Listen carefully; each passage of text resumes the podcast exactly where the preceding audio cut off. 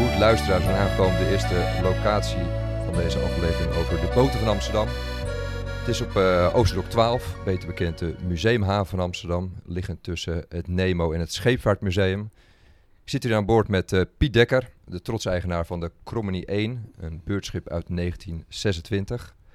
Piet, welkom uh, hier in, in deze podcastaflevering over de boot van Amsterdam. Zou je jezelf even kunnen voorstellen, vertellen over dit schip waar we nu zijn? Nou ja, wat je zegt, ik ben dus Piet Dekker. En uh, sinds een jaar of uh, vier, vijf de eigenaar van, van dit schip. Dit, het is een, een beurtmotorschip. En een beurtmotorschip, omdat in zijn tijd te plaatsen, moet je het zo zien dat Nederland werd ooit bevaren, wereldwijd bevaren door allerlei schepen. Veelal op zeil. Maar vanaf 1900 deed de dieselmotor zijn intree en veranderden de zeilschepen langzamerhand in motorschepen. Enerzijds werden veel zeilschepen onttuigd. Dat betekent dat de, dat de, zeilen, de mast en de zeilen eraf gingen. Maar anderzijds werden er ook motorschepen gebouwd zonder zeilen. En dit is een van die eerste beurtmotorschepen die destijds gebouwd is zonder zeilen. Het was een beurtschip, want er bestond in heel Nederland een ontzettend fijnmazig netwerk van beurtschepen. Schepen die op vaste trajecten, vaste tijden, goederen, vee en mensen vervoerden. En elk plaatsje in Nederland had wel ergens een plekje waar een stijger lag, waar een schip kon aanmeren. Dus elk plaatsje was in zekere zin ook bereikbaar met een schip. En dat heeft in Nederland uh, voor gigantische economische ontwikkelingen gezorgd, ooit, 100 jaar geleden. En uh, tot, in, tot, in, tot 15 jaar terug, zeg maar, tot het eind van de jaren 60. Ja, je vertelde net uh, toen ik aan boord kwam dat iets verderop neer richting Centraal Station, dat daar enorm veel van die beurtschepen iedere dag aanlegden. Je had zelfs over een aantal van 100 aanlegplekken. Ja. Tot wanneer is dat zo geweest, dat het die schepen een grote waarde hadden voor de lokale, maar ook de nationale economie? Ergens voor de oorlog werd het besluit genomen dat transport over de weg efficiënter zou zijn, omdat de, de, de goederen uh, op scherpere tijden en nauwkeurige plekken af te leveren zouden zijn. Dus er is het besluit genomen om het vervoer over het water te transformeren naar het vervoer over de weg. En dat betekende dat uh, er heel veel bruggen werden gebouwd, heel veel tunnels werden gebouwd. Uh, en dat betekende ook dat heel veel scheepvaart eigenlijk moest stoppen of kon stoppen omdat het niet meer rendabel was. En dat gebeurde ergens, zeg maar, ja, de, grote ontwikkeling daarin gebeurde in de jaren 50. Zo kan je dat ongeveer, ongeveer schetsen. Een mooi voorbeeld daarvan is dat de Schellingwoudebrug kwam in 1959 klaar. De Koentunnel in 1967 en de Eitunnel in 1969. Er zijn weinig mensen die zich dat nog realiseren, maar tot die tijd ging alles, moest alles over het water. Met over het water worden vervoerd. Dat gold voor de mensen, maar dat gold dus ook voor alle producten die vanuit het noorden naar Amsterdam kwamen en vanuit Amsterdam naar het noorden moesten. Alles moest over het water. Daar hebben we ons, we denken daar nu niet meer over na. En we rossen door de tunnel alsof het al de gewoonste zaak van de wereld is. Ik ben zelf 64, ik ben van 56 en ik kan me nog herinneren dat we met schoolreisje in 1967 door de tunnel gingen met de bus. Dat was een dingetje. Dat, dat, dat, daar werd thuis aan de eettafel over gesproken. Die jongens zijn door de tunnel gegaan. Dat was een moment. Dat wat was toen ja, een moment in de geschiedenis, zeg maar. Ja. Het, uh... En uh, nou ja, gesproken over geschiedenis, hier in de museumhaven liggen een hoop verschillende schepen die uh, ja, destijds een belangrijke rol hebben gehad in de logistiek. Kan je wat vertellen over de schepen die hier liggen? Wat voor soort schepen liggen hier? Hoe komen ze hier te liggen? En... In tegenstelling tot, tot de, de, het lichtplaatsenbeleid zoals dat in de, in de rest van de stad georganiseerd is, geldt hier bovenal dat de eigenaar van het schip kan nooit eigenaar worden van de lichtplaats. Dat betekent dat uh, als je een historisch gezien interessant schip denkt te hebben, kan je je aanmelden bij de museumhaven. Dan wordt je schip wordt geschouwd door een schouwcommissie van, uh, van een aantal deskundigen. Die bekijken of het schip uh, aan de historische kwaliteiten voldoet. Als je daaraan voldoet, kom je vervolgens op een wachtlijst. Want het is de bedoeling dat uh, de collectie binnen deze museumhaven zo breed mogelijk wordt gehouden. Wat betekent dat als er een plek vakant komt, plek leeg komt. En dat komt dus doordat iemand zijn schip verkoopt, want dan moet het schip de haven uit. Dan kijkt dus het bestuur hoeveel, wat voor schepen staan er op de wachtlijst. En welke is daarvan een welkome aanvulling in ons bestand. En dat betekent dus dat vooral de schepen van groot belang zijn, maar de lichtplaats absoluut nooit een geldelijke waarde kan vertegenwoordigen. De, de lichtplaats wordt nooit van onszelf. De schepen die blijven altijd vanzelf. Maar als wij vertrekken met ons schip, dan, dan, als we komen te overlijden of we verkopen het schip, dan moet hij dus de haven uit. Dus op deze manier bouwden jullie ja, een bepaalde richtlijn aan om te zorgen dat er de schepen die liggen uniek zijn en ja, passen in het beeld van uh, een oude museumhaven. Precies, en dat is natuurlijk in tegenstelling tot wat er in de stad gaande is. Daar zijn de lichtplaatsen inmiddels heel erg veel geld waard geworden. Terwijl dat wat er ligt eigenlijk maar van financieel minder belang is, maar ook qua uitstraling vaak minder belangrijk wordt gevonden. Ja. Van, uh, als het maar groot is, een vierkante meter stelt, dan uh, wordt iedereen er heel blij en gelukkig van. Maar dat is, dat, hier, hier wordt dus anders gedacht. hier, hier, wordt gezegd, uh, het gaat hier vooral om de historie van het object en niet over de lichtplaats zelf schip. Ja, en Pietje staat hè, bekend als een van de grootste voorvechters als het gaat om het behouden van historische schepen in, in onze stad. Ja. Je hebt daar in het verleden ja, je hart voor gemaakt en bent nog steeds daar ja, actief, uh, actief mee bezig. Om te zorgen dat schepen als deze vele jaren hier uh, ja, kunnen liggen.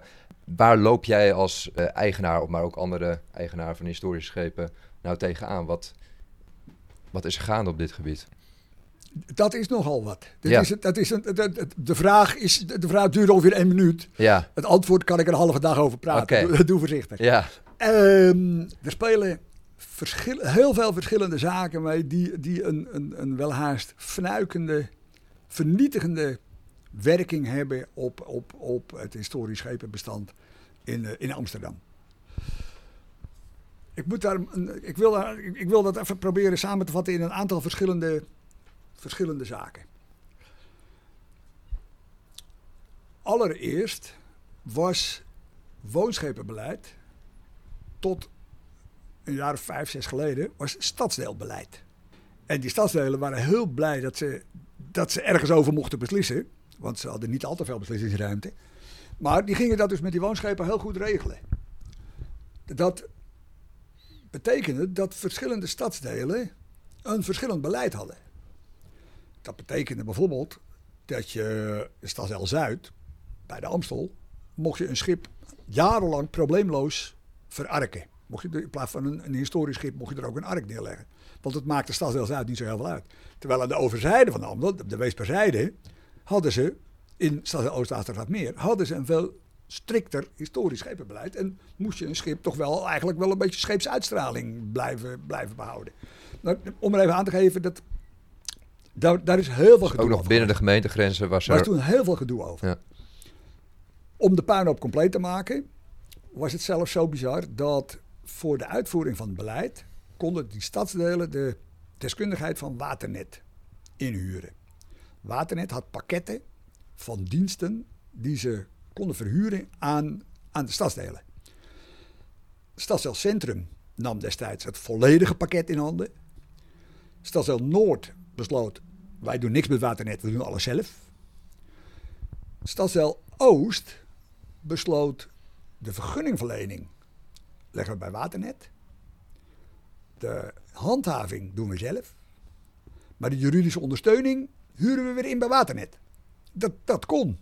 Maar dat betekent dus dat er, dat er allerlei verschillende organisaties en, en, en instantietjes met dat beleid bezig moesten. En dan ook nog eens weer apart moesten gaan invullen met diensten van misschien weer andere ambtenaren. Dus dat werd een enorme bureaucratie. dat werd een verschrikkelijk verhaal. Van de, de konden dingen daar, dat, dat wil je niet weten wat voor rare verhalen als we destijds bij me hebben meegemaakt. Maar goed, uh, nou, wat, wat, wat, ik, wat ik heel graag zou zien, is, is, het, is het volgende.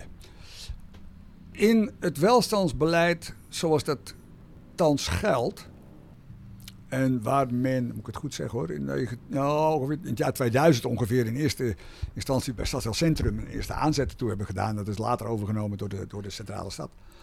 Eh, zijn de maten van heel strikt en stringent belang.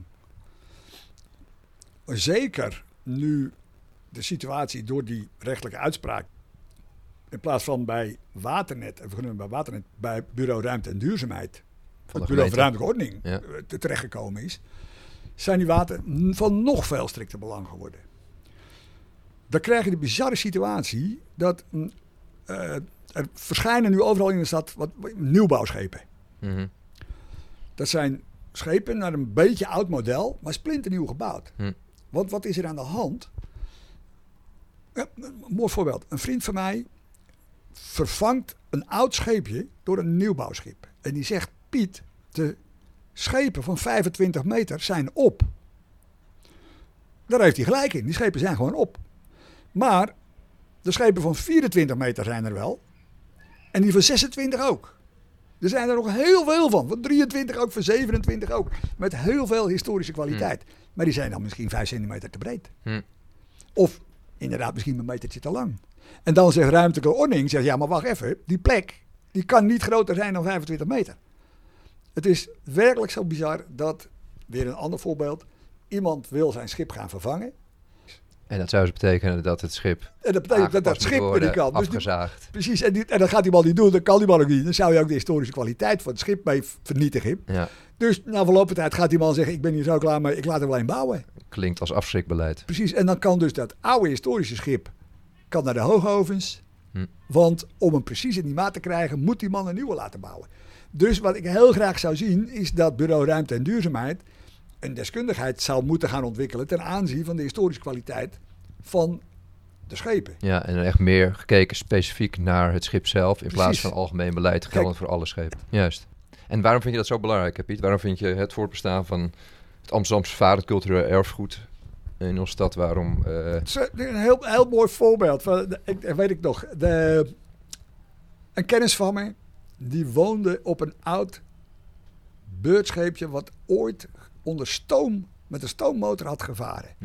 Het zag er uiterlijk eigenlijk nog wel precies zo uit. Er zat, stond geen stoommotor meer in. Die was er, eh, kort na de oorlog hebben ze die eruit gehaald. Eh, er werd al heel lang, het werd al voor de oorlog was het, was het een woonscheepje.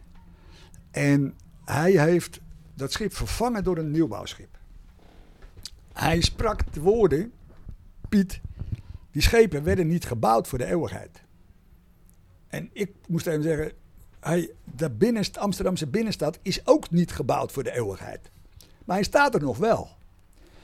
En hij schetste van, joh, je bouwt tegenwoordig ook schepen om op te wonen.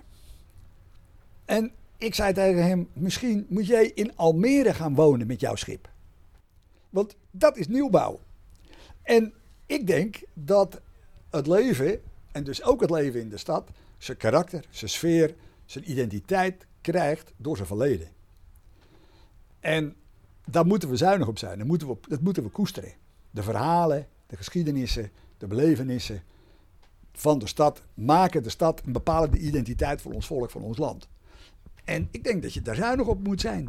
Want als deze ontwikkeling doorgaat, is dus over, over 40 jaar alleen nog maar nieuw gebouwde woonschepen in de stad.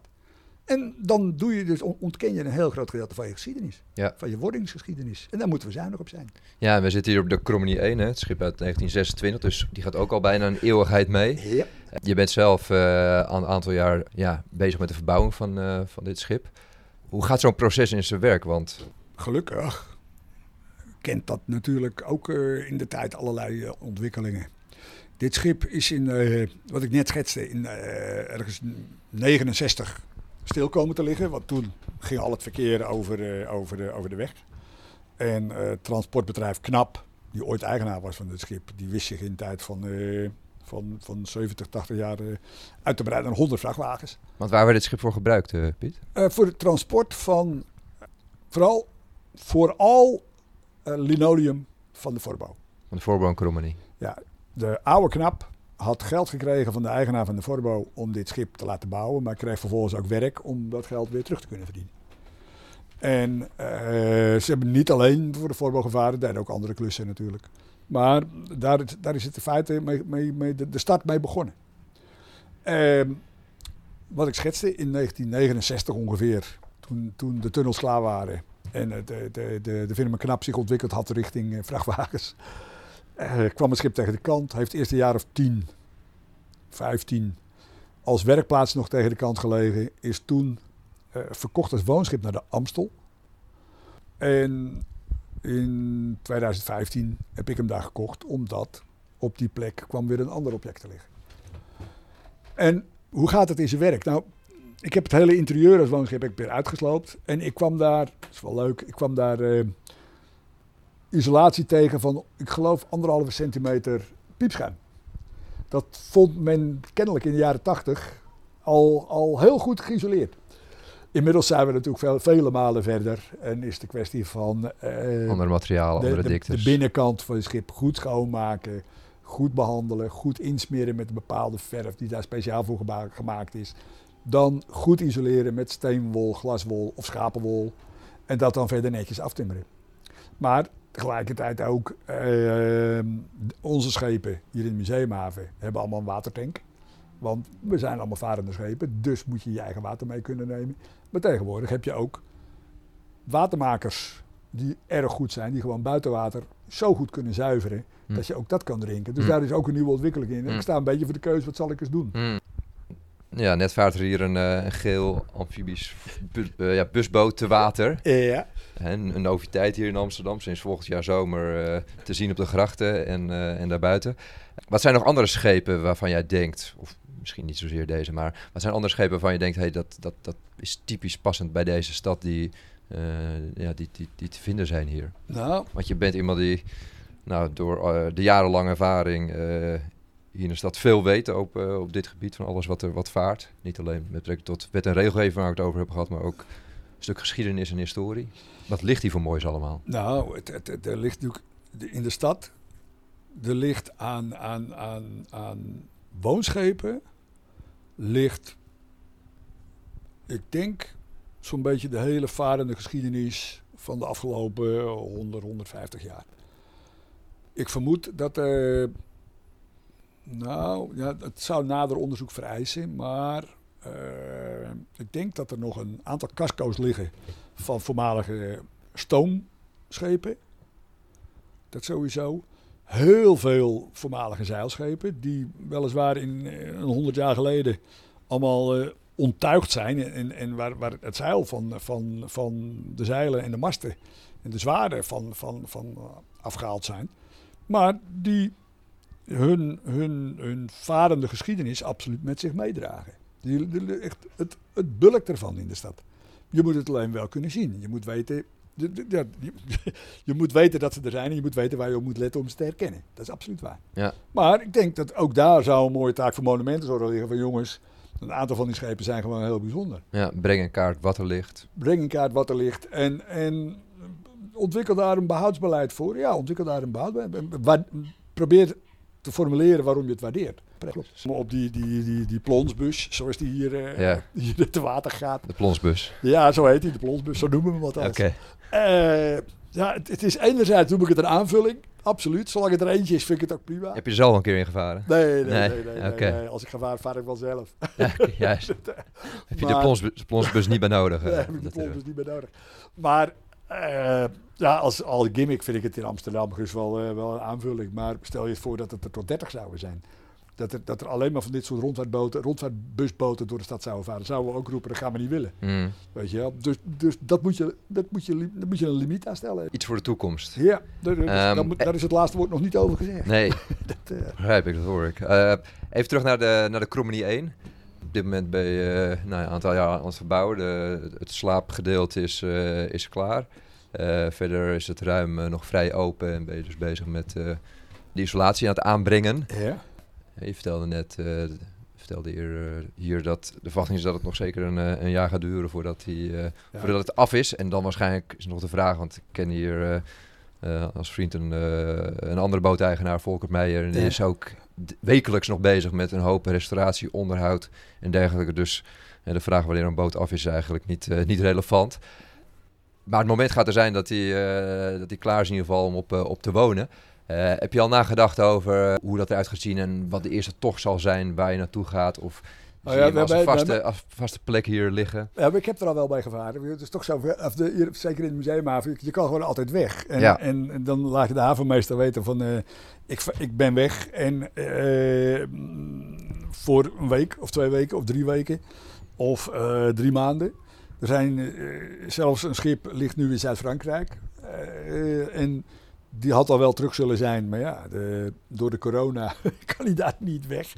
Dus, maar als je denkt van ik kom maar weer eens terug, dan kan je de havenmeester bellen van ik kom er volgende week kom ik weer terug. Dus dan, dan kan je mijn plekje weer vrijmaken. En dan weet de havenmeester van oh, hij is weg en blijft weg, dus ik kan daar misschien een ander schip ergens anders vandaan, wat ook vaart. En in Amsterdam een paar weken een plekje zoek, kan ik daar neerleggen. Ja, En zo werkt het.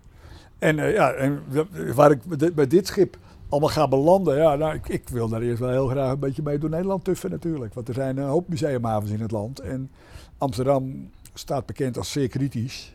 De schouwcommissie van Amsterdam staat bekend als zeer kritisch. Wat, wat ook een nadeel is, maar ook het voordeel kent dat je dus in heel veel museumhavens van het land probleemloos terecht kan. En eh, als er plek is althans. En, eh, maar dat is wel een beetje de, de, de droom natuurlijk. Om eh, de, motor te starten en eh, door Nederland te tuffen. ja. Ja.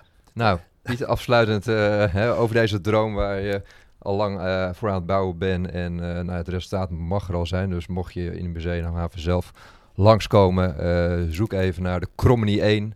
En ja, wellicht tegen die tijd dat de bouw weer wat verder is. En wellicht over nog langere tijd zul je hem ook zien varen op het ei, het wijde water op. Piet, bedankt voor, voor het gesprek. Ja, succes met alles wat er op het pad van dit, dit mooie schip komt. Hey, dankjewel.